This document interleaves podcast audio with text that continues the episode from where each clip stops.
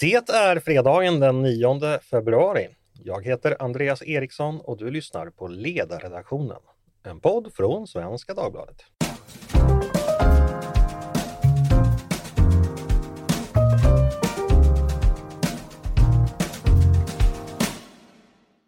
Varmt välkomna till oss. Välkomna till ännu en fredagspodd med Ledarredaktionen. En podd som vi som varje fredag ska ägna åt att sammanfatta den politiska veckan i Sverige och annorstädes. Eh, som vanligt en fullmatad vecka. Var ska jag börja? Eh, regeringen har infört visitationszoner och delat ut klädråd för att undgå dem. Tucker HH Karlsson har varit i Moskva och låtsas intervjua Putin. Märta Stenevi har avgått. Iranska mordplanen mot svenskar har avslöjats. SD har presenterat sin EP-lista. Vi har fått veta att SIS-hemmen ska skrotas och så har det kommit nya avslöjanden om Jamal El-Hajs förehavanden. Det är mycket det och vi ska snart prata om en del av detta och mycket annat. Men det kan jag förstås inte göra själv, för jag begriper ingenting, utan jag har kallat in gräddan av ledarredaktionens intellektuella och ibland kontroversiella resurser för att hjälpa mig att vända frågorna rätt och få slutsatserna korrekta. Här hos mig har jag inga andra än Peter Wennblad, Tove Livendal och Mattias Svensson och ni är varmt, varmt välkomna. Tack så mycket. Tack. Hej. Tove, hur står det till med dig? Ja, men eh, det är fantastiskt. Jag har precis ätit tårta. Oj då, vad, vad har hänt? What's the occasion som man brukar säga? The occasion är att svenskarna har tagit storslam i nomineringarna till årets dagstidning. Och eh, eh, en av nomineringarna är faktiskt till Svenska Dagbladets poddredaktion. Och det är ju då en alltså, samling för alla våra poddar. Så det innebär att även ledarredaktionen ingår i den här nomineringen. Men jag har inte fått någon tårta. det finns borta vid köksön, det är bara att gå och ta för sig. Okay. Man fick ta själv. Man fick ta själv. Eh, ja, det, det kanske inte så, man, ska, man väntar inte på en inbjudan, man går och plockar det, det som man kan. Mm, måste, lite som Spotify. Jag måste få läsa nomineringen, för den är så fin. Med bredd och spets har tidningens långa berättartradition skickligt överförts till en ny medieform. Snabb nyhetsöverblick, politiska snackisar och fördjupande dokumentärer, elegant och lekfullt förpackade ljudform. Det var ju fint. Nämner hon någonting om mina inledningar om slöjdlärare? ja, men det är de fördjupande dokumentärerna. Eller när jag pratar Kalle och Hobby i tio minuter och ingen, ingen förstår någonting. Men det var ju verkligen nära. Då, då har vi någonting att fira. När delas det här priserna ut då? Den 20 mars på, är det prisgala på Berns. Det ser vi fram emot. Eh, har det något, hänt något speciellt i ditt liv den här veckan som du vill delge oss andra och lyssnarna? Oh. Mer än tårtan då? det var, den överskuggade liksom allting. Det är sådär på fredag eftermiddagarna så är man liksom mitt i då är man bara i produktion och dyker upp då en, en tårta så blir man fixerad vid det. Men nej, men jag tycker att det har varit en, en, eh, en varierad och rik vecka på olika sätt. Det har varit lite diskussioner. Jag var med på ett samtal hos Timbro i tisdags till exempel som handlade om Reformer för politiker som vill bli återvalda, en bok av Stefan Fölster och Nima Samnandaji som eh, lades fram. Just det. Mattias, eh, du har ju haft lite datorproblem i veckan. Berätta. har datorn varit elak mot dig? Ja, jag har en ny dator som eh, hjälpligt har gått att få att fungera som den gamla, nästan. För ibland när du öppnar datorn, då tutar den upptaget, eller hur är det? Nu försöker du göra dig lustig på min bekostnad, men eh, det här är någonting som även andra upplever med maskiner. Ja. Eh, och när man konsulterar expertisen så står de där och kliar sig i huvudet och säger ja, datorer kan göra så där som, som vi är bekanta med. Det låter som du har rik erfarenhet av detta. Oh ja. Peter, jag du... hatar teknik och tekniken hatar mig. Ja. Peter, du har ju umgåtts frivolt med det digitala sedan C64 dagar, stämmer det? ja, C64 hade jag faktiskt inte. Min första egna dator var en IBM PS1, tror jag den hette. Spelar du Police Quest på den? Uh, nej, det tror jag. jag. minns mest att jag spelade Lemmings. Mm just det, det var ett, det var ett klassiskt Jag hade kompisar som hade både C64 och uh, Amiga 500. Så att, uh, jag kunde sitta bredvid och lära mig allt om teknik. Men då undrar jag, hur kommer man förbi draken i The Last Ninja 1? Oj, det här borde jag faktiskt kunna svara på, för det var ett av de... I och för sig Last Ninja 2 tror jag det var det vi spelade mest, men eh, vet, kommer du ihåg? Ja, man kastade rökbomben på den och då somnade den. Ah. Eh, det var väldigt svårt. The Last Ninja 2 utspelades ju i New York. Då var man bland annat i. Central Park och så flög man helikopter och sånt. Hörni, vi ska inte prata sådana ljuvliga gamla barndomsminnen, hur, hur trevligt det än är. Vi ska dra igång och prata vecka 6. Och vi ska förstås börja med att önska västsvenskarna publiken ett trevligt sportlov. Hoppas ni får det skönt, för det börjar ju idag. Vi stockholmare får ju välförtjänt vänta i två veckor till. Vi har massor att tycka om och jag tänkte vi skulle börja med att återbesöka ett ämne vi haft uppe flera gånger tidigare i podden, eh, men som blev skarpt i veckan. Eh, nämligen regeringens förslag om säkerhetszoner, eller visitationszoner som de oftast kallas av oss i media. Utredningen blev klar strax före jul och igår presenterades förslaget av Tidöpartierna i form av en lagrådsremiss. Eh, ni som lyssnar har säkert hört talas om detta. Kort repetition bara. En säkerhetszon är ett område där polismän får utvidgade befogenheter att kroppsvisitera personer och genomsöka bilar och andra transportmedel för att söka efter vapen och andra för farliga föremål. Eh, det här får polisen införa i ett avgränsat område om 1. Det är med hänsyn till konflikt mellan grupper, finns påtaglig risk för skjutning eller sprängning. Att det är synnerligen, av synnerlig vikt för att förebygga och förhindra brottslighet. Och 3. För att fördelarna med zonen väger över nackdelarna. Eh, vi har sagt haft ämnet uppe tidigare, så här lät det för knappt två månader sedan, den 15 december, då vi mellan Lucia-tåg och glöggbjudningar poddade. Och då lät det så här. Regeringen tog igår emot en utredning som gäller så kallade visitationszoner som man vill införa. Är ni för eller emot det här förslaget? Jag vill ha svar direkt. För. Ja. Försiktigt för. Jaha Mattias, eh, du var, var, var försiktigt för den gången. Eh, hur, hur, vad har du för hållning nu till det här förslaget? Eh, jag trillar inte av stolen nu, men jag har precis samma hållning så här eh, två månader senare. Det var intressant att en ledarskribent kan behålla samma åsikt i två månader. eh, du har ju skrivit om det här. Vad, vad, vad landar du i? Var, varför landar du i din försiktiga eh, acceptans för detta? Eh, därför att jag tycker att regeringen eh, på ett föredömligt sätt har hanterat eh, den problematik som finns kring när man utvidgar eh, det offentliga våldsmonopolets befogenheter att, att att begå handlingar som för eh, en oskyldig är väldigt integritetskränkande. Att, att, få sin, att, att bli stannad, få sin person, sin fordon genomsökt är ingen makt vi lättvindigt ska handskas med. Eh, utan, utan det behöver kring, eh, kringgärdas av, av regler och restriktioner, särskilt när, när det är grupper och personer som riskerar att drabbas om och om igen. Det här är ju problematiken som vi har sett, inte minst i USA, att eh, det här kan vara effektivt, men det har också en extremt eh, diskriminerande påverkan i brottsutsatta områden och liknande. Mm. Eh, Ett ögonblick jag ska bara kolla med, med, med Peter och Tove. Ni var ju då eh, inte bara försiktigt för utan rent av rakt av för i juletid. Gäller det fortfarande? Ja, det gäller fortfarande. Jag tycker Mattias text är väldigt läsvärd, för det är klart att det inte är reservationslöst och jag tycker han tar upp de, de, eh, de, här, de invändningar som man ska ha med sig och avvägningarna som behöver göras är väl beskrivna i Mattias text. Mm. Peter?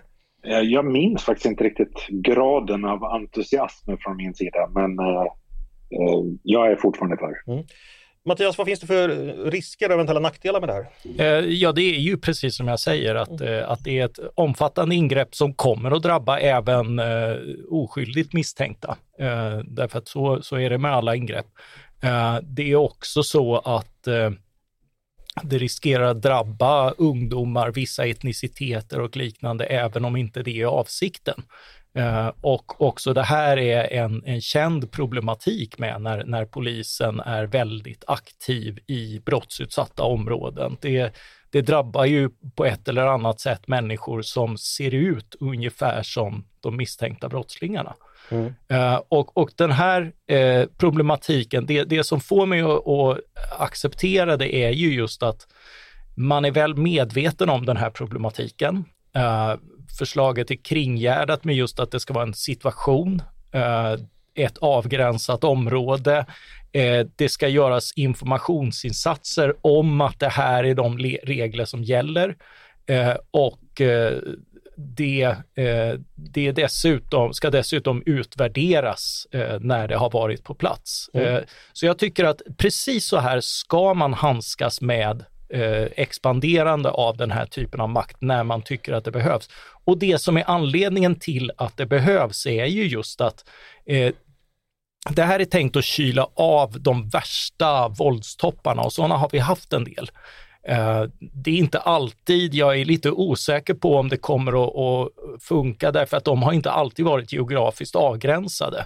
Men där man kan göra det, eh, brott, brott är ofta geografiskt bundna. Det handlar om ambitioner till exempel att, eh, att, att manifestera sin närvaro och sin dominans över ett område och liknande. Och då, då kan det här vara värdefullt att, att det offentliga våldsmonopolet faktiskt kan, kan hävda sig ordentligt på det området. Och det här är ju också någonting som är eh, så, som jag tror, man har ju många farhågor och sådär, men det är också många i de här eh, väldigt brottsutsatta områdena där, där det ofta blir sådana här, där det är större risk att, att det exploderar situationer. Mm. Eh, där är man ju också, eh, vilket framkommer i exempelvis Peter Siassons eh, bok eh, Förorten som kom på Timbro för några år sedan, att, att där är man snarare mer än i allmänhet för ganska resoluta polisåtgärder och sånt där. Så jag tror att det här mycket väl kan,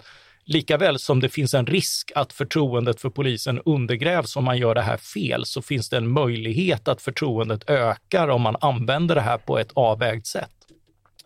Eh, ja, vi får väl se hur det går. Det här vållar i alla fall våldsamma diskussioner, inte minst på sociala medier igår. Och delvis kom det att handla om eh, olika kläder då. Och bakgrunden var ju att jag tror vi ska gå tillbaka till presskonferensen för att nu kommer jag då spela upp vad som försiggick där. Då hade då representanter för, för Tidöpartierna hade varit där och, och så öppnade upp för frågor och då lät det så här. Jo, den här eh, klädstilsfrågan då. Kan ni definiera vad, vad en suspekt klädstil skulle kunna vara? Det kan inte jag göra. Eh, utan eh, det är ju, här får man falla, på, falla tillbaka på ett väldigt sedvanligt polisiärt arbete. Att arbeta med ska vi säga, riskprofiler är ju ingenting nytt som kommer med, med, med de här säkerhetszonerna, utan det är ett sedvanligt sätt som polisen redan nu arbetar med. Eh, och utredaren har tagit fasta på vilka slags omständigheter som typiskt sett ingår när man gör sådana riskprofiler. Eh, och det är, en, det, är en, det är en sån omständighet eh, bland, bland många andra. Men i grund och botten, precis som när det gäller användningen av så att säga, andra tvångsmedel, så måste man överlåta så att säga, på myndigheten att, ja, att bedriva det operativa arbetet. Ja, då får ju då, eh, det, det, är självklart att man som journalist hör ordet eh, klädstil och då tänker man vad, vad betyder det egentligen? Och Gunnar Strömmer ger ju ett väldigt bra svar här tänker jag. Det, det är väl det rimliga svaret att det kan inte han svara på men polisen har nog bra koll helt enkelt. Eh, men journalister är ju så att om man inte, ja, de, de kan sniffa blod och det, det, gjorde de den här gången för att sen så gick frågan vidare till Martin Melin och då, då, då gick det så här, det var samma journalist då från Aftonbladet som ställde frågan. Martin Melin, det var inte länge sedan som du patrullerade gatorna. Skulle min uppenbarelse idag vara suspekt? Nej, det skulle det inte vara.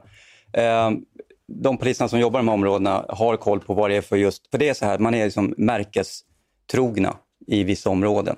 Det betyder inte att alla som går runt med en, en Gucci-kopia-keps är gängkriminella, absolut inte.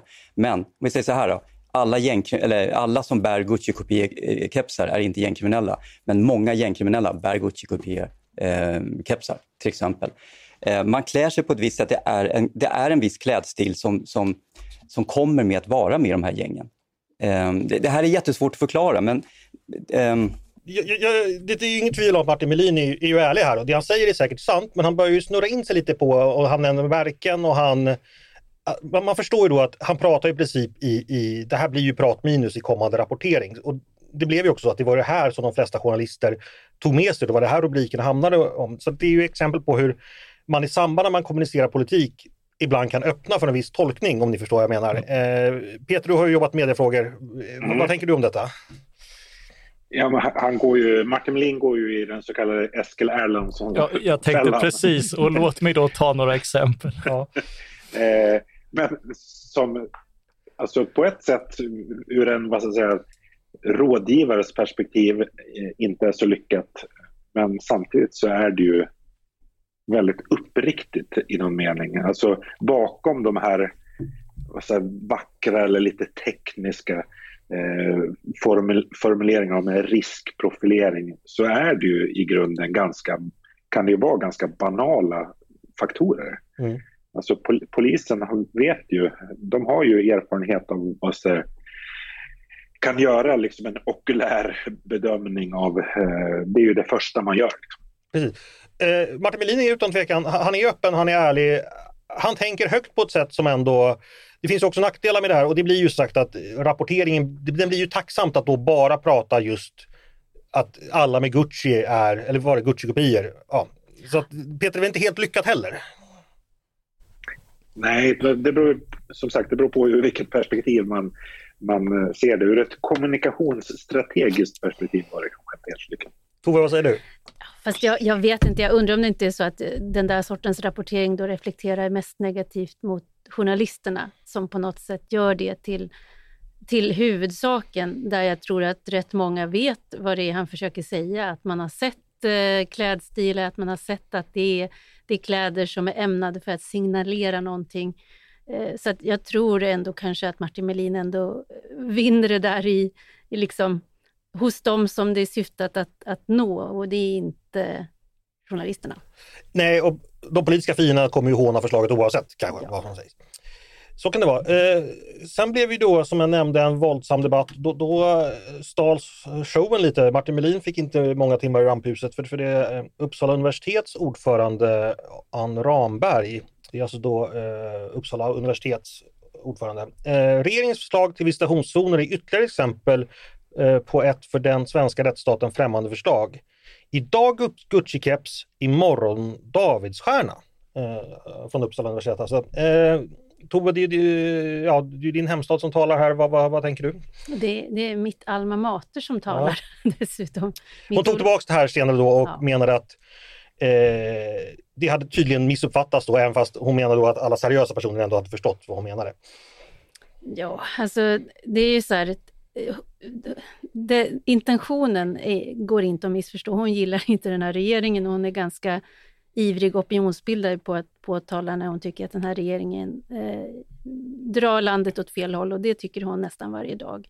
Så ja, den, mot nazism och förintelse. Ja, men, men sen är det ju det som många har reagerat på, eh, att hon då i den här iven att slå på regeringen då använder eh, som antisemitismen och eh, liksom förföljelsen mot judar eh, som ett slagträ. Och det är ju, där har hon ju fått, det är många som har, ja, har, har sagt vad de tycker om det, så att det blev inte lyckad kommunikation. Här tror jag att en kommunikationsstrateg kunde ha hjälpt till faktiskt.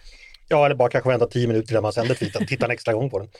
Eh, Peter, det är ju ditt alma mater också som pratar. Vad känner du inför detta? Ja, jag tror i och för sig inte att någon kommunikationsstrateg kan hjälpa Ann Ramberg om jag ska vara ärlig. Det är ju inte första gången som hon... Eh, ja, hon har ju också en förmåga att tänk, tänka högt men eh, på ett ännu mer misslyckat sätt än Martin Melin. Mm. Eh... Nej, men jag tycker det, jag tycker det, ja, jag vet inte, Ann Ramberg hon är ju eh, vad, hon, vad hon är och jag får väl invända sig du sa att hon tog tillbaka det, men det gjorde hon ju i praktiken inte. Hon sa att skrev väl någonting om att det inte var så lyckat. Mm. Men det var ju, hon la ju fortfarande skulden för denna missuppfattning på mottagaren och inte på sig själv. Mm.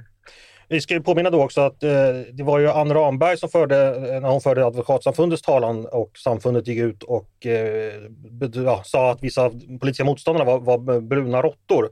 Och eh, samfundet då exemplifierade detta med eh, en namngiven moderat riksdagsledamot, nämligen Hanif Bali, numera på Expressens ledarsida.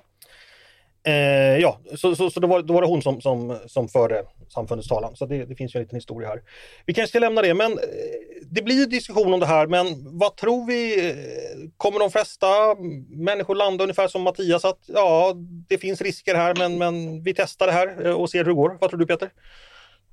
Ja, men jag tror Mattias beskrev ju det här som någonting och visitationszoner som något väldigt ingripande. Och jag förstår vad Mattias menar och i någon slags juridisk mening är det väl ingripande. Men jag tror faktiskt att de flesta människor inte upplever det som särskilt eh, ingripande. Så det är, ju, det är ju den långa erfarenheten att ofta när eh, det införs så här, integritetskränkande eh, politiska åtgärder så, så är oppositionen, eller opinionen mot det ganska svag och eh, ganska få har säger, upplevt, rent teoretiskt kan man tycka att det är en integritetskränkning men, men i praktiken tycker man inte att det är så stort. Alltså vi är ju van, människor är ju vana med det här. Vi, När man flyger, man, tänker jag. Ja, men man, så här, man flyger, man går på konserter, man går på fotbollsmatcher. Alltså det, är ju, det är ju olika typer av kontroller överallt och det här blir då en ny dimension Mm. Av det tänkandet. Mattias? Där, där håller jag inte med alls. Jag tror snarare det är så att eh, anledningen till att de flesta tryggt kan vara för är att man kommer inte att drabbas av det här. Eh, alltså eh, folk, eh, vi har haft trafikkontroller i alla år, men det är fortfarande drama om du fastnar i den och, och skulle det dra ut på tiden och du blir, uppleva dig vara misstänkt för någonting, eh, det glömmer en svennebanan aldrig. Eh, så så där, där, där tror jag att Peter har fel, även om det generella resonemanget om, om att det ofta låter mer om integritetskränkningar i förhand, det är en sak. Men det här är en, en, eh, en, en sak vi känner till och att bli genomsökt i sin person och, och, och av polis och stannad i, i kontroller och sånt där liksom ute när vi rör oss. Det, det är någonting extraordinärt och, och vi ska behandla det så eh, och inte, inte liksom bli för vana vid det. Ja. Men, men, eh, men, men med det sagt så, så det här är så pass avgränsat i, i tid och, och i annat och eh, det är ju också upp till polisen att använda det med sånt omdöme eh, att, att, det, att det liksom faktiskt fyller en funktion. Okej. Ja men Peter, där är väl en poäng för på en konsert då blir ju alla genomsökta. Här får man ju liksom stå ut med att polisen har valt ut dig av någon anledning och det, det kan ju ses av många som att, men varför, ska just, varför just jag? Ja, absolut. Men eh, det är en... Jag tror att de flesta upplever det som en gradskillnad och inte en artskillnad. Okej, vi får se. Eh, Det här ska vara på plats redan i mars. Eh, Vi ska gå vidare. Då tänkte jag att Eh, vi skulle prata om någonting annat. Och det är nämligen det här, en kort sak kring skolan. Eh, Paulina har ju skrivit om den här saken. Hon är ledig idag så jag tänkte Peter får ta det. Men det gäller den här nyheten som många av er som lyssnar säkert har, har redan hört och det är ju att Handelshögskolans rektor har varit, som har tidigare varit ute och kritiserat dagens skolsystem för att leda till att skolor ger glädjebetyg. Att viss, vissa skolor ger för höga betyg helt enkelt. Eh, så att de inte ens duger till en vettig urvalsprocess. Därför har man nu på den utbildningen bestämt sig för att använda också högskoleprovet som ett extra urvalsinstrument. Man behöver ha då minst 1,25 eh, på högskoleprovet för att få komma in på Handels. Eh, Peter, vad, vad tänker vi om detta? Ja, det här är en illustration av att det som vi brukar kalla för betygsinflation i, i praktiken har blivit en betygskorruption. Alltså att det finns en, en systematisk skevhet i hela betyget, eller det är liksom mer eller mindre godtyckligt. Eh, och där då eh, ett antal skolor utmärker sig. Ja, för helt godtyckligt kan man ju inte säga utan det är ju en systematisk snedvridning menar ju då eh, Handelshögskolan. Att från vissa skolor får man helt enkelt oförtjänt höga betyg vilket gör att betygssystemet inte sorterar fram de bästa studiebegåvningarna vilket tanken är. Ja, precis. Nej, och, och det som är då är ju att flera av de, de skolorna som eh, Handels har eh, liksom pekat ut och det har de ju gjort på basis av liksom Skolinspektionens kritik. Det är ju så kallade elitskolor, alltså väldigt profilerade eh, skolor där, som har en väldigt hög grad av glädjebetyg eller korruptionsbetyg. Mm. Tove, vad tänker du? Säg att andra utbildningar, läkarlinjen, teknisk, alltså juristlinjen, att det här, de börjar följa efter det här exemplet så att betyg inte blir så viktigt längre. Hur stora problem har vi då? Ja, alltså det är ju, det, det är ju ett tecken på att människan är ju, så här, vi hittar vägar att åstadkomma det vi vill och eh, det kan både ske i gott syfte och i dåligt syfte. Och är det så att högre utbildningar upplever att betygen som ges inte ger någon rättvisande bild, ja då kommer det att leda fram till att fler hittar antagningssätt för att få, få in en rätt nivå. Och i sin tur så undergräver det ju trovärdigheten och det kanske då leder fram till att man reformerar och gör saker som vi har talat om tidigare, nämligen till exempel oberoende rättning av centrala prov och sådana där saker som kan se till att betygen är vad de, vad de lovar. Mm. Beror betygssystemets sjunkande status som urvalsinstrument på dagens system med friskolor, det som kritikerna från vänster kallar marknadsskolan? Det finns en pusselbit, men det är ju det är liksom flera saker. Vi har ju betygsinflation då, som, oavsett vilket ord vi har, även på kommunala skolor. Eh, men det är klart att det, det finns absolut ett behov av reformvård. Eh, sen blir ju då de här som säger att allting som är dåligt i skolan är friskolornas fel, eh, har ju fått det också bak, om bakfoten. Så att här handlar det om att få in det som friskolorna har fört med sig, nämligen en pluralism och en, en pedagogisk och på annan sätt också utveckling som skolan har behövt, eh, med en liksom, funktionella kontrollsystem så att det går att jämföra och man kan lita på att och mäta skolorna på ett rimligt sätt mot varandra. Mattias, att få bestämma värdet på den produkt man själv har producerat, det vill säga att sätta betyg på den elev ens eget företag utbildar. Hur klokt är det? Eh, nej, alltså det är ju flera saker här. Dels eh, betygssystemet vi har eh, för närvarande är inte gjort som ett urvalsinstrument, vilket Skolverket återkommande har påpekat i sina rapporter. Inte ens om, eh, om, om man, om man liksom bortser ifrån olyckliga incitament så är det här bedömningssystemet gjort för att plotta alla elever mot varandra på ett rättvist sätt. Det kan inte göra det helt enkelt. Eh, och då, då tycker jag att det är en rätt utveckling att gå, att komplettera betyg med andra intagningsformer och så, att experimentera fram eftersom vi inte riktigt vet vad eh, Eh, det kommer aldrig finnas någon absolut rättvisa här och, och eftersom vi inte vet så, så behöver liksom intagningarna...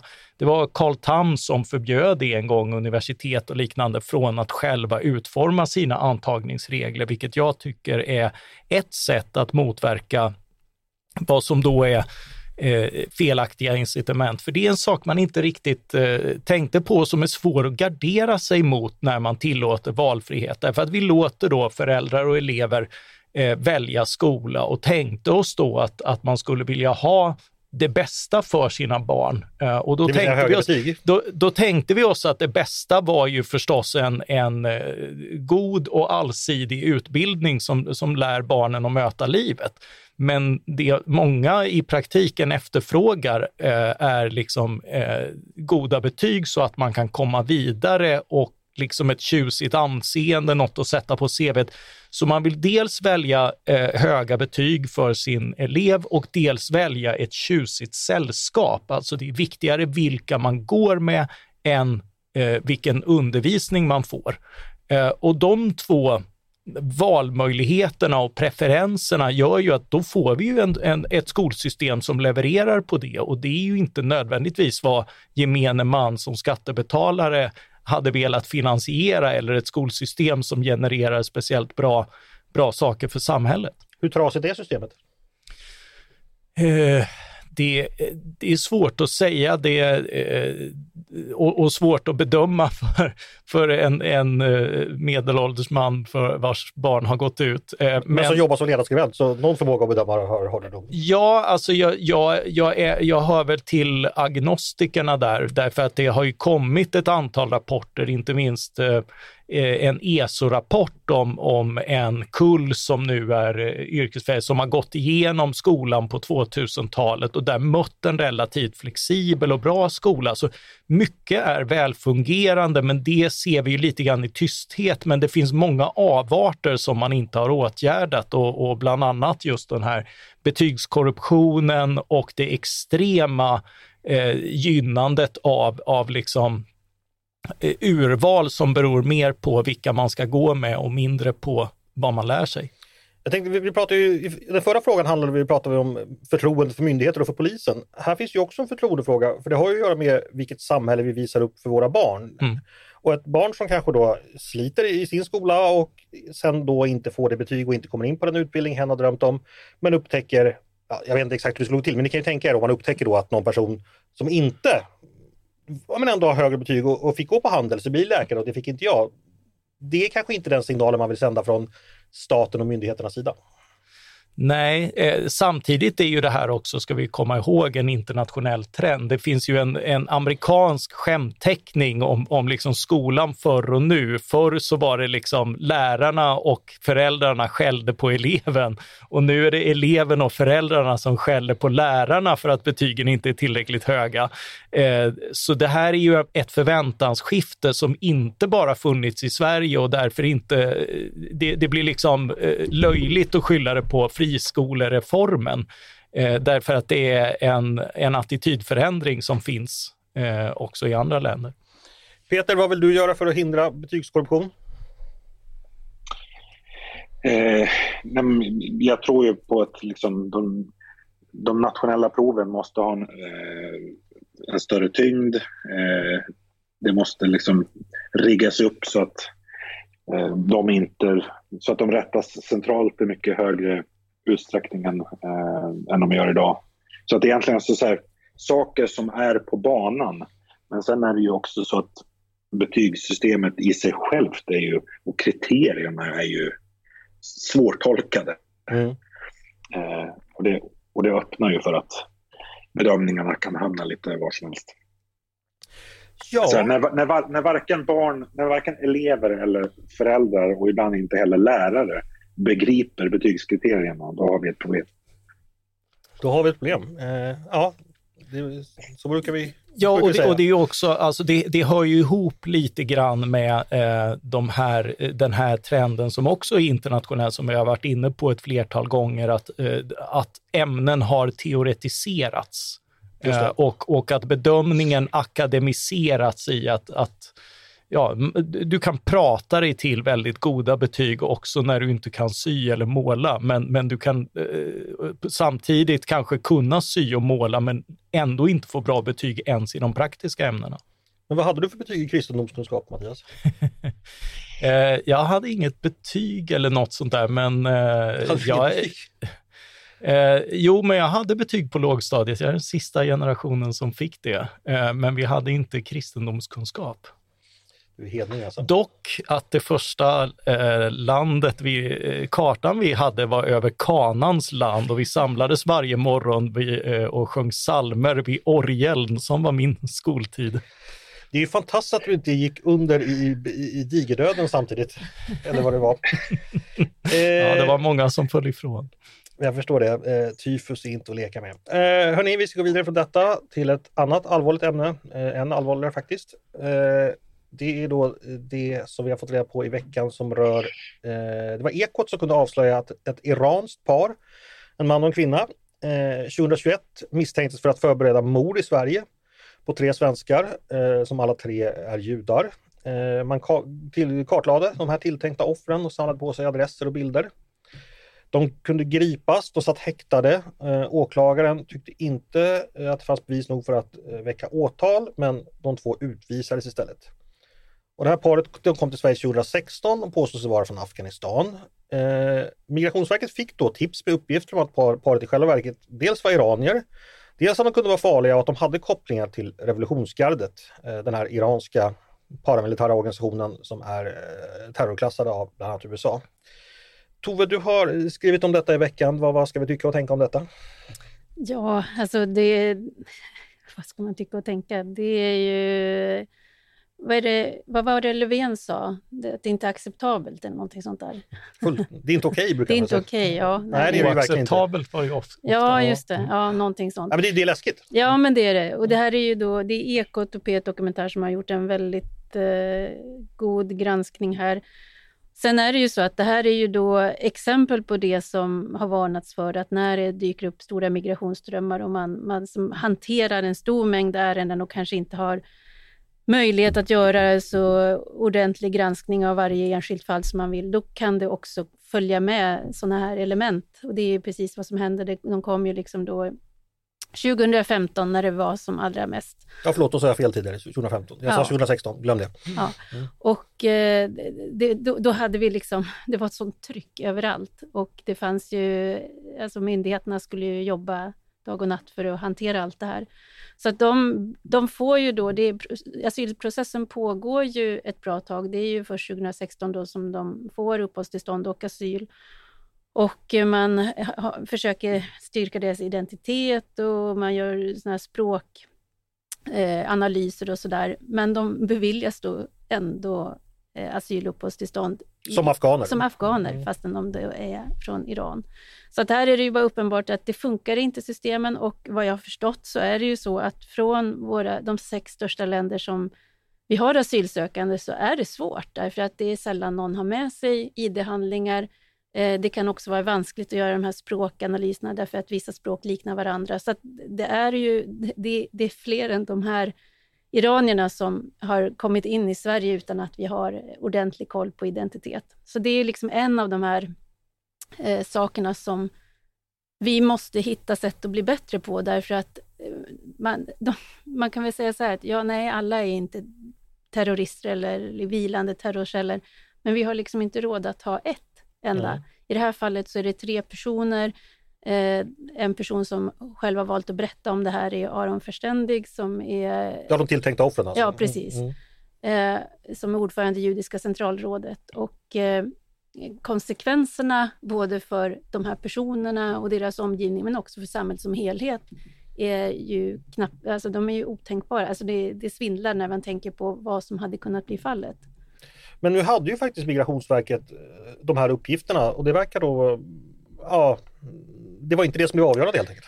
Nej, och det, där tänker jag att det är jätteviktigt att lagstiftaren följer upp det här nu. Då. Det är klart att en del är väl sånt som kanske inte kommit till allmänhetens kännedom, men, men det här behöver, regeringen behöver veta vad det är som har hänt och man behöver veta vad det har fallerat. Jag menar, ja, Migrationsverket har beviljat det här, så att de har ju ansvar för det. Men man har ju då också, Säkerhetspolisen har också tagit del av de här tipsen. Så frågan är då, var, har det skett någon kommunikation? Hur har, har, har Säpo och Migrationsverket eh, råd, har Säpo rådgivit Migrationsverket det här ärendet? Vad har det lett till och så vidare. Det här måste man ju få klarhet i, för uppenbarligen så, så här, så här kan det inte gå till. Nej. Men jag tänker också, att det här är ju en uppenbart fientlig handling, eh, inte bara riktad mot tre av våra medborgare utan mot landet Sverige. Eh, jag menar, 2017 var ju den dåvarande regeringen på, på stort eh, statsbesök i Iran för att svenska storföretag var med, man ville etablera kontakter. Ni kanske minns det för att det var en del svenska ministrar som då bar, bar slöja och det blev bråk om det. Eh, och, och, och liksom parallellt sker det här det är väl lite stötande? Eller, eller vad, jag vet inte vad man ska välja för ord. Ja, nej, det är svårt att hitta bra ord i sådana här tillfällen. Ja, och det här är ju då, att säga, så som verkligheten är, att vi har vi, vi söker diplomatiska kontakter med skurkstater. Eh, därför att då och då så kan det komma tillfällen där vi känner att det är bra att kunna ha en, en lina öppen. Det kan hända om svenska medborgare som vi vill kunna ha en dialog om som befinner sig kidnappade eller tillfångatagna och sådär. Så att det man, den här impulsen att nej, vi ska inte ha med de här staterna att göra, är en position som eh, är obegåvad, men den är ju samtidigt svår därför att du kommer ju då, det, det, leder ju till att du som företrädare för Sverige i vissa sammanhang då får sitta och, och så här, hålla god min mot någon som har gjort en så uppenbart fientlig handling mot dig. Så att det är Ja, diplomatin är liksom en alldeles särskild konst och jag avundas inte de som försöker hantera det. Men, men jag, jag skulle säga att slutsatsen är ändå inte att Sverige här, ska försöka ha nollkontakt med ett land som Iran, utan eh, det, det men däremot ha, vara fullt medveten om vilka det är man har att göra med. Mm. Eh, hörni, vi ska gå vidare. Eh, som jag nämnde inledningsvis så har ju Märta Stenevi idag berättat att hon avgår som språkrör. Eh, jag vet inte om det finns så jättemycket att säga om det, men, men några ord kanske. Mattias, eh, hur påverkar det Miljöpartiet tror du? Eh, ja, eh, arbetsmiljön kan ju egentligen inte bli sämre. Eh, det kan man väl i alla fall konstatera. Eh, det, är ju, det är ju förstås en, eh, en tragedi när, när någon liksom lämnar för att man inte orkar med politiken. Eh, och, eh, och, och, det uppdrag man har fått, det säger ju någonting som, eh, som plägar till självrannsakan kring, kring hur man jobbar och vad, vad det är för en miljö. Den är tuff. Det är på många sätt ett, ett nollsummespel i kamper om positioner och liknande och, och det är alltid tråkigt när det får ett mänskligt pris. Jag hoppas att hon, hon hittar eh, andra roller som, som bättre tar tillvara hennes, eh, hennes engagemang, för det här var upp, uppenbart eh, destruktivt. Eh, Sen så, eh, det är förvisso anekdotiskt, men det, de första jag såg som beklagade det här var, var socialdemokrater, alltså som beklagade det politiska, att, eh, att eh, in, inte bara tråkigt att, att hon behöver lämna av de här skälen, utan just att nu förlorar Miljöpartiet en röst för eh, klimat och sånt där. Liksom. Men, men Stenevi har ju framför allt varit en, en kulturkrigare med, en, med en mycket socialdemokratisk syn på eh, på staten. Så det, jag är inte förvånad över att det var just socialdemokrater jag såg först var, var förtvivlade över det här. Jag tror inte att det är samma förlust för, för Miljöpartiet, utan kanske snarare en chans om, om, om jag får ha lite politiska förhoppningar.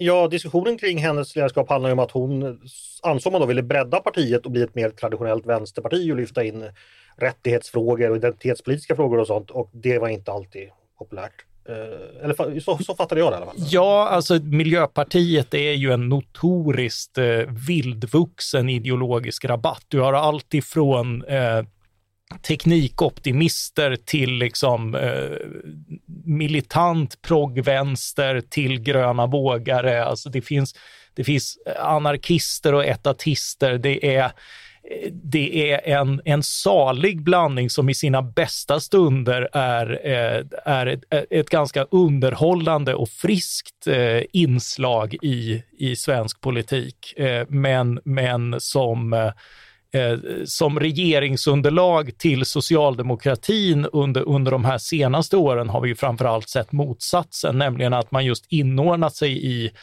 eh, ett vänsterblock, fått igenom sina mest doktrinära antiteknik och byråkratiregleringsåtgärder på miljöområdet, men däremot inte liksom eh, fått vurma för företagsamhet, småskalighet, eh, pluralism eh, och, och det som tidigare fanns som, ett tydligt, eh, som en tydlig ådra i Miljöpartiet. Mm.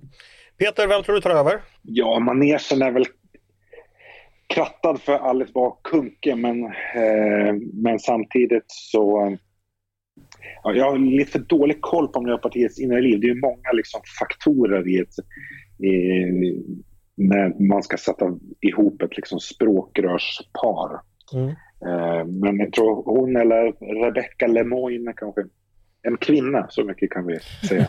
men, men, men här, det här visar ju liksom den, en inneboende svaghet i liksom språkrörsmodellen som det ju var diskussion inför valet av Daniel Helldén om, om man skulle skrota. Eh, alltså, när man jobbar på den här nivån, för att klara det så måste man liksom vara omgiven av människor man känner sig trygg med, som man fungerar väl eh, tillsammans med... Eh, vi har ju vetat hela tiden, alltså, och det, har, det framgår ju i, i eh, Märta Stenevis motivering till att hon går, är att det här liksom språkrörsval...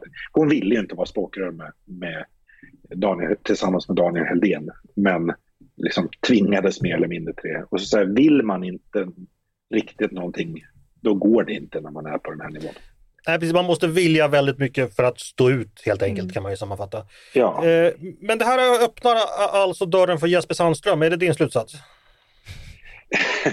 eh, ja, han är ju ja nu blir det ju enklare att byta kön. Så. Det, det var, vi skojade lite med att vår producent faktiskt en gång kandiderat som språkrör till, eh, hos Miljöpartiet. Hur gick det? Han fick några röster, var det inte ja, så? Ja, absolut. Mm. Han gick ju upp mot Gustav Fridolin mm. och eh, åkte till eh, kongressen och som sagt var fick faktiskt några röster i omröstningen. Men eh, skulle Jesper känna sig hugad så är det ju, det här är ju en av de, kanske den enda saken som skulle kunna få mig att överväga medlemskap i det partiet. I alla fall en ny medlem skulle man känna på det. Eh, ja, eh, vi ska gå vidare. Eh, då ska jag Eh, berätta att Dagens Nyheter, de publicerade igår i torsdags en granskning av hur Försvarsmaktens tillväxt ofta bromsas av byråkrati. Det är lagar och tillståndskrav och annat regelverk som, som eh, lägger hinder i vägen. Några exempel tidningen tog upp det var att eh, Nationellt cybersäkerhetscenter, den här nya myndigheten, de har ingen, har ingen lokal. Eh, de får inte flytta in i sitt nya hus eh, som ligger i nationalstadsparken i, i Solna för att där får man inte sätta upp ett staket och det måste man ha runt skyddsobjekt. Ett annat exempel var, var de reglerna som gör att helikoptrar inte får ut och flyga efter klockan 15. Eh, miljötillstånd för skjutfält, som ja, redan existerande skjutfält där de ska, ska förnyas, kan det ta mellan 7 och 10 år. Hela det här ämnet har ju Peter Wennblad skrivit över sig. Eh, kanske du ska ha tipsat DN redan, rent av, men, men eh, det här är såklart inte bra. Eh, varför blir det så här Peter? Ja, därför att miljölagstiftningen är väldigt eh, detaljerad eh, och svårforcerad. Eh, Mm. Så att det tar väldigt lång tid att dels få tillstånd eh, och sen är det dessutom så att när man väl får tillstånd så är har ju- innehåller ju massa villkor som styr verksamheten. Det här med att inte få flyga efter klockan tre på fredagar är ju ett sånt exempel. Eh, men det är ju så här på skjutfält, du har, det är liksom väldigt detaljerat hur många timmar per år du får skjuta med vilken typ av ammunition, under vilka klockslag, under vilka veckodagar. Och det här har ju väldigt, alltså i slutändan får det här väldigt konkret påverkan på försvarsverksamhet. Alltså jag kan ta ett, ett eget personligt exempel. Eh, lyssnarna känner väl till att jag är med i Hemvärnet. Och eh, vi var på härom veckan på en så här årsgenomgång och där det uttryckligen sägs, för vi ska då ha en större övning, att den kommer förläggas, den borde genomföras under våren, men den kommer genomföras under hösten. Därför att ska du genom, när det är på våren så är det så mycket begränsningar kring vad man får köra och vad man får göra för att det är diverse eh, växter och hänsyn till fåglar och det ena med det tredje. Mm. Jag förstår. Varför, men varför ändras inte de här lagarna då? Eh, Om man så naivt får fråga. Eh, ja, därför... Så här, det, det pågår en hel del, eh, Mm. ska sägas. Men det har det i och för sig gjort länge. Men sen är det också så att en hel del av miljölagstiftningen styrs av olika typer av eh, miljö, eh, EU-direktiv. Mm. Så att det är, eh, är det, jag vet Anders Sundström som var minister när den social, socialdemokratiska regeringen eh, tog fram miljöbalken. Eh, han har ju själv sagt att vi skapade ett monster. Alltså, så här, även de som är experter på miljölagstiftningen har väldigt svårt att reda ut hur man ska ta sig ur den situation som man har, eller det hörn som vi har målat in oss i. Men, men om du får vara hjälten och lyfta svärdet mot den här hydran, var, vilket huvud ska vi hugga av för att, för att bli av med det här monstret? Var, var börjar vi? Vi ska, vi ska spränga. Nej, men, men är det så? Alltså, krävs det en total uh, omtänk här alltså? Ja, jag har, jag har väldigt svårt att... eh, Så jag, jag, har, jag har ändå hållit på med de här frågorna i ett antal år. Eh, Men jag ser inga andra liksom, alternativ än att, att göra liksom, väldigt genomgripande eh, förändringar. Och jag tror att det behövs, som i försvarets fall, borde, s- att man behöver lyfta ut vi- vissa verksamheter ur miljölagstiftningen. Alltså egentligen liksom skapa någon slags juridiska frizoner. Mm. Eh, så här, försvarsmakten omfattas inte av, av eh, miljöbalken eller något liknande. Jag tror dig, men, men hu- tror politikerna dig? Är regeringen medveten om att det är så här skarpt läget är, tror du? Ja, eh, det är de. Så att problemet, det finns både probleminsikt och den skulle jag säga är ganska djup. Det finns en vilja att åtgärda problemet eh, men det är fortfarande lite eh, fattas en del för att man ska liksom förstå vad det är man ska göra. Men det är på gång. Kan vi ändå vara hoppfulla, tänker du? Eller? Ja, alltså det har kommit, fl- jo, alltså det har kommit flera utredningar och, och så, men jag är väl inte jätte eh, hoppfull. Alltså jag tycker att de förslag så, och de utredningar som har gjorts som ändå haft ganska liksom skarpa direktiv så kommer det ganska lama förslag just för att det här är liksom så ja, att det är så många faktorer som eh, styr det, så inte ens liksom utredningar riktigt lyckas red, reda ut hur man liksom ska kunna leva upp till de ambitioner som finns. Eh, det låter ju närmast som den här myten om deep state, att det liksom finns strukturer som ingen egentligen kan nå på, grå på. Ja, men jag tror inte att det finns liksom någon högre intelligens som vad ska säga, Tvärtom. försvarar. Det finns liksom, det, nej, exakt. Det, det, är så, det, är en, det är en oförutsedd konsekvens. Vi får se hur det går med det. Eh, vi ska gå vidare så länge, eh, för nu har det blivit dags för mitt favoritmoment. Och det är ju så att jag har ju ett verkligen som är mitt favoritmoment på riktigt. Och det är det vi ska ha nu. Eh, det är det som heter Svar direkt, eh, då vi stresstestar eh, mina kollegors politiska reflexer och förmåga att blixtsnabbt skilja det goda från det onda och det sanna från det falska. Och det går helt enkelt till så att jag likt en passning bakom ryggen från Håkan Loob som lämnar målet öppet för Thomas Sandström radar upp några aktuella frågor framför mina kollegor som de direkt pangar i nät. Och pangar i nät gör man genom att säga ja eller nej eller vara för eller emot. Helt enkelt ge svar direkt. Är ni redo? Ja. Ja. Härligt. Eh, regeringen borde sänka elskatten rejält. Kanske inte med 97 procent, men ändå en bra bit åt det hållet. Det skriver MUF i en debattartikel i Aftonbladet. Detta bland annat för att det är orimligt att beskatta elektrifieringen av samhället och att dagens elpriser driver människor från hus och hem. Vad säger Svenska Dagbladets ledarredaktion? Är det dags att sänka elskatten? Ja eller nej? Eller svar direkt. Ja. Ja. Ja. Det var tveksamt där. eh, Mattias, var, varför behövde du tänka en extra Så, sekund? så här, eh, det, det är alltid bäst, det är alltid mest frestande att sänka skatter på viss eh, konsumtion och sådär och eh, alltid bäst att generellt sänka skatter på eh, arbete, även om det inte ger så mycket till var och en och inte märks lika mycket. Elskatterna kom ju till just, just för att liksom bara en, en sån här miljöskatt, även om den inte har fungerat så eftersom el visat sig vara mer av nödvändighetsvara så blev det liksom ett, ett skatteobjekt snarare än, eh, än ett incitament. Och att el är också är lite bättre än förbränningsmotorer för klimatet. Oh ja, Oftast. oh ja. Ofta. Ja. Okej, då, då gör vi tummen upp för MUF förslag. Eh, då fortsätter vi. Eh, det är bara ett parti som har trovärdighet i migrationsfrågan utifrån det perspektivet att man stått fast länge i sin position. Det sa migrationsminister Maria Malmer Stenergard i veckan i ett möte med journalister. Partiet hon syftade på då, det var förstås SD. Har hon rätt? Är det bara SD som har trovärdighet i migrationspolitiken eftersom de stått fast så länge i samma position? Ja eller nej? Eller svar direkt. Nej. Nej. Nej. Varför inte Tove? Varför, varför ska man då lita på socialdemokrater och moderater som ena dagen vill öppna gränser och andra dagen inte släppa in en jävel över bron? Mhm. Ja, nej, man ska ha, jag tycker man ska ha en, ett kritiskt eh, synsätt på alla partier och förstå deras drivkrafter och eh, olika sätt att fungera. Men så här, en klocka som står stilla kommer ändå visa rätt två gånger per dygn.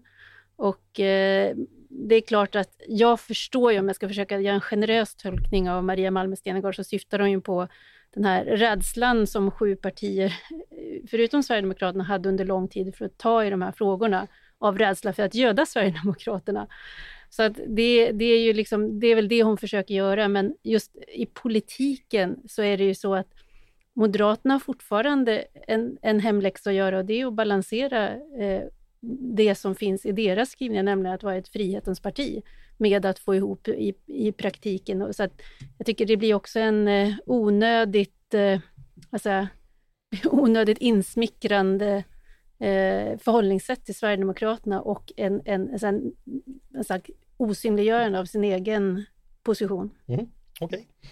Vi tar en till. Eh, två personer från humortrion JLC har givit sig in i fastighetsbranschen och köpt en fastighet för att utveckla den. Eh, vid renoveringen av samma fastighet hittades guld hos platina till ett värde av 7 miljoner kronor. Nu har tvist uppstått mellan 1 JLC-personerna som äger fastigheten, 2 de tidigare ägarna till fastigheten och 3 hantverkarna som gjorde fyndet. Här kan man ju ägna sig åt fastighetsrätt och köprätt och annat tråkigt tills fan kommer avlösaren.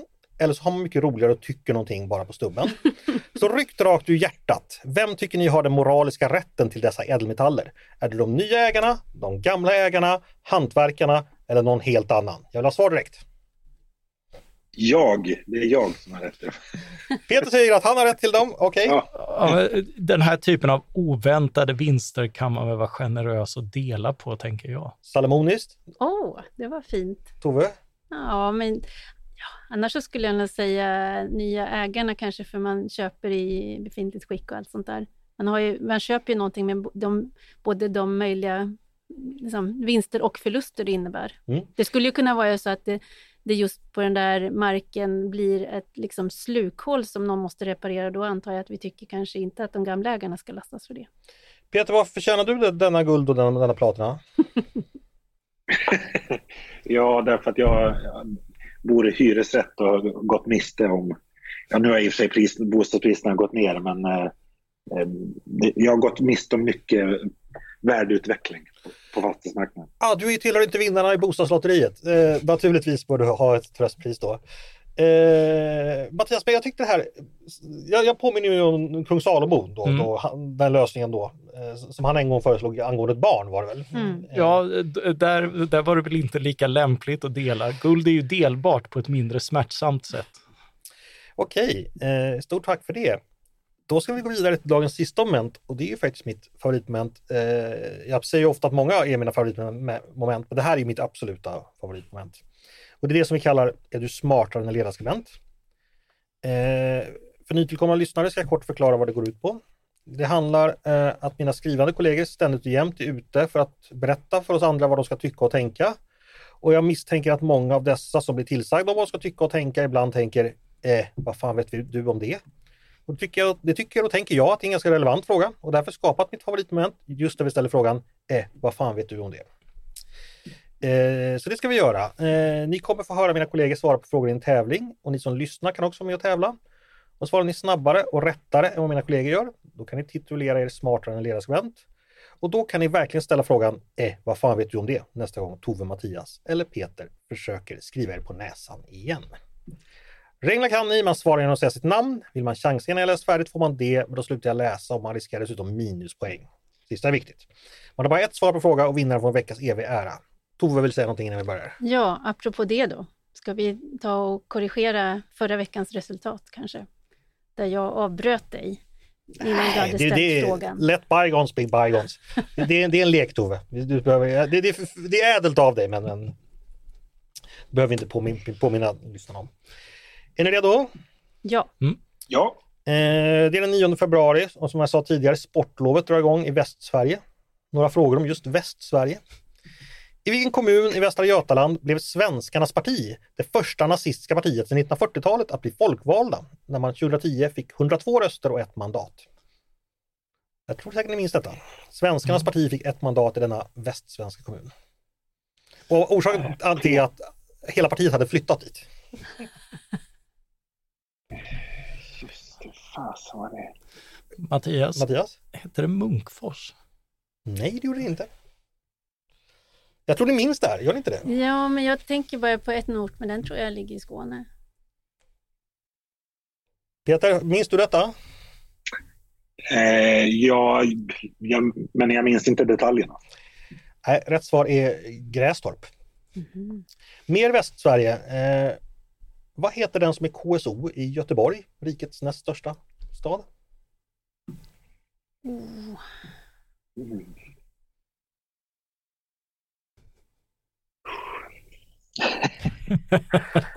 Borgmästare i Sverige. Där satte du oss på Ja. pottkanten. Jag kunde inte detta själv heller, ska jag säga. Mm. Så, alltså, Men jag tycker ändå man, det är en hygienfråga att veta vem som styr i Göteborg. Det är ändå Oh, så stort. Men, Ja, ja, ja, nej men... Eh, väl eh, en får, får jag ändå chansa på Göran Johansson? Han styrde mellan 1752 och 2015, men nej.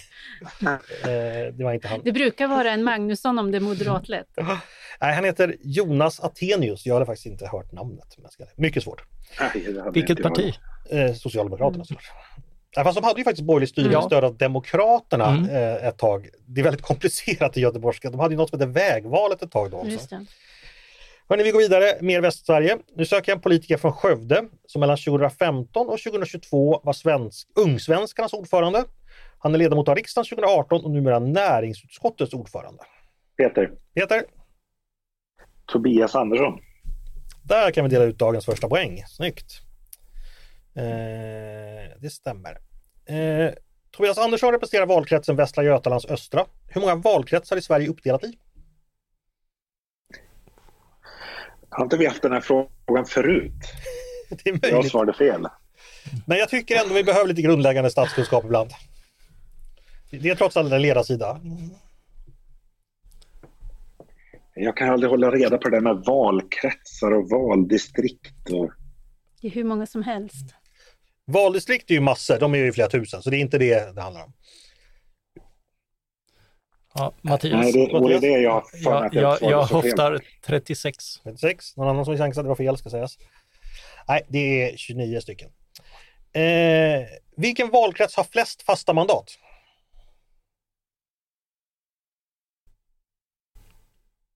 Peter, Mattias, Peter var först. jag menar det är Stockholms stad. Det var fel. Stockholms län. Nej. rätt. Mm. Ah, vara. 40 såklart, stycken. Hörni, en sista västsvensk fråga. Då lämnar vi faktiskt politiken och pratar lokaltrafik istället. Hammarkullens spårvagnshållplats är unik i sin utformning. På vilket sätt?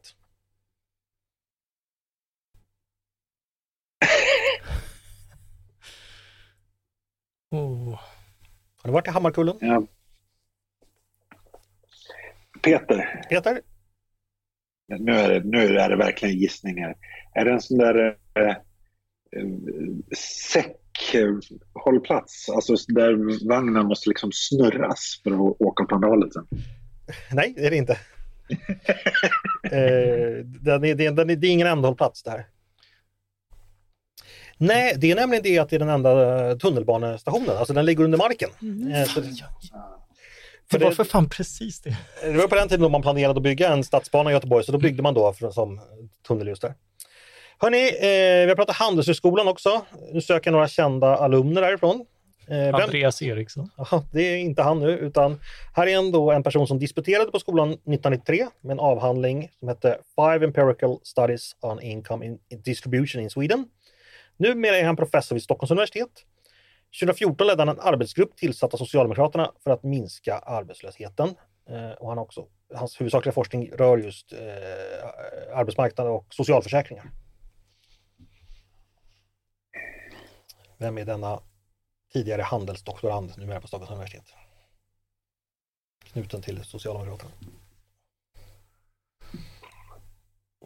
Peter. Peter? Jag tror att det här är fel, men jag säger ändå, ändå Sandro Scocco. Nej, det är det inte. Nej, nu vet jag. Förlåt. Nej, svaret är Mårten Palme. Ja, Eh, nu söker jag en Snyggt. diplomat och politiker, Sveriges EU-minister mellan 2019 och 2022. Många kommer kanske ihåg honom främst för en del turer i samband med regeringskansliets hantering av tsunamikatastrofen. Peter. Mattias. Peter? Hans Dahlgren. Ja, helt rätt. Det var då han som skulle ha blivit uppringd av eh, Lars Danielsson, men inte hade blivit det. Eh, och, ja, de var oense om detta. Men eh, jag tror att det slutade med att Hans Dahlgren tog fram samtalslistor som visade att detta inte hade skett. En till. Eh, nu söker jag en person som satt i riksdagen för Folkpartiet, som det då hette, mellan 1995 och 2010. De sista fyra åren som näringsutskottets ordförande. Numera är hon verksam vid TCO. Peter. Tove. Peter var först. Karin Pilsäter. Helt rätt. Peter har tre poäng, Mattias ett. Tove tar det lugnt än så länge. Eh, det är ju den 9 februari. Det blir inga frågor om Johan Mjällbys 53-årsdag. Sorry Mattias. Vi har blivit anklagade av, lyssnare för att eh, otillbörligt gynna dig med frågor som passar dig väldigt väl. Så att, Det, ja, jo, och beviset är att jag kan någonting då. Däremot så är det eh, Fjodor Dostojevskijs dödsdag faktiskt. Vad heter huvudpersonen i Brott och straff? Mattias. Mattias först. det är Raskolnikov. Ja, absolut. Dostojevskij var samtida med en tsar som under den första delen av sin regeringstid blev känd som liberal och genomförde många reformer. Bland annat avskaffade han livegenskapen. Vad hette denne tsar som mördades 1881? För övrigt samma år som Dostojevskij dog. Mattias, Mattias? hette han inte Fredrik? Nej, det gjorde han inte.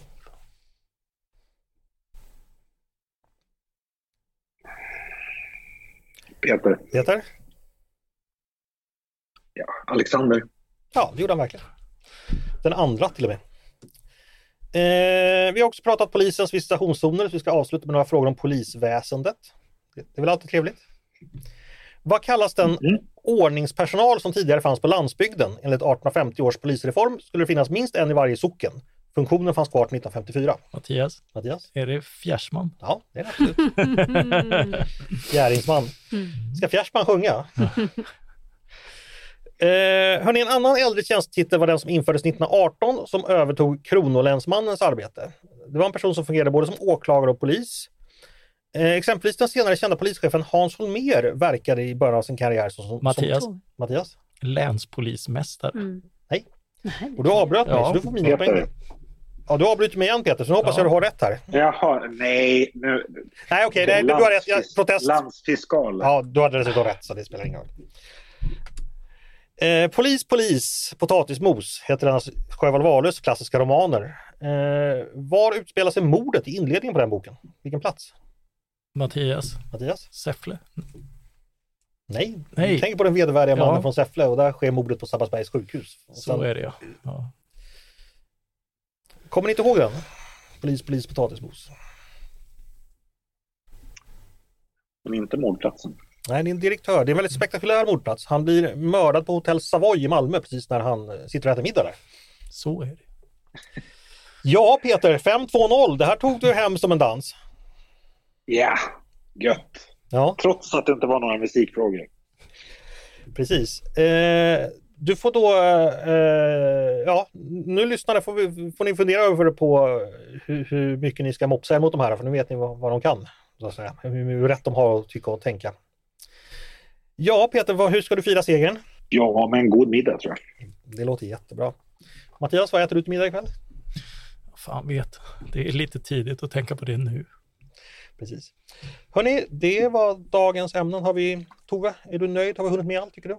Eller Det vad? har vi gjort. Jag tycker vi har, eh, vi förtjänar att ta helg snart. Mm, det ska vi alldeles strax göra. Vi ska bara, det enda som återstår är ju faktiskt att eh, tacka varandra och eh, publiken. Så jag börjar med att tacka Mattias, Tove och Peter för att ni medverkade idag. Ett Tack, nöje som alltid. Alltså, Tacka, alltså- tacka varandra, det lät som så här, på dagis. Ett tre starka hej. Eh, ja, sen ska vi då också tacka er som har lyssnat förstås också på dagens avsnitt av Ledarredaktionen som är en podd från Svenska Dagbladet. Ni är varmt välkomna att höra av er till redaktionen med era tankar och synpunkter på det här som vi har diskuterat. Men också om ni har idéer och förslag på vad vi ska ta upp i framtiden. Det är bara att mejla till ledarsidan snabel svd.se. Dagens eh, producent, det är tidigare nämnda Jesper Sandström det. Själv heter jag Andreas Eriksson och jag hoppas att vi hörs snart igen.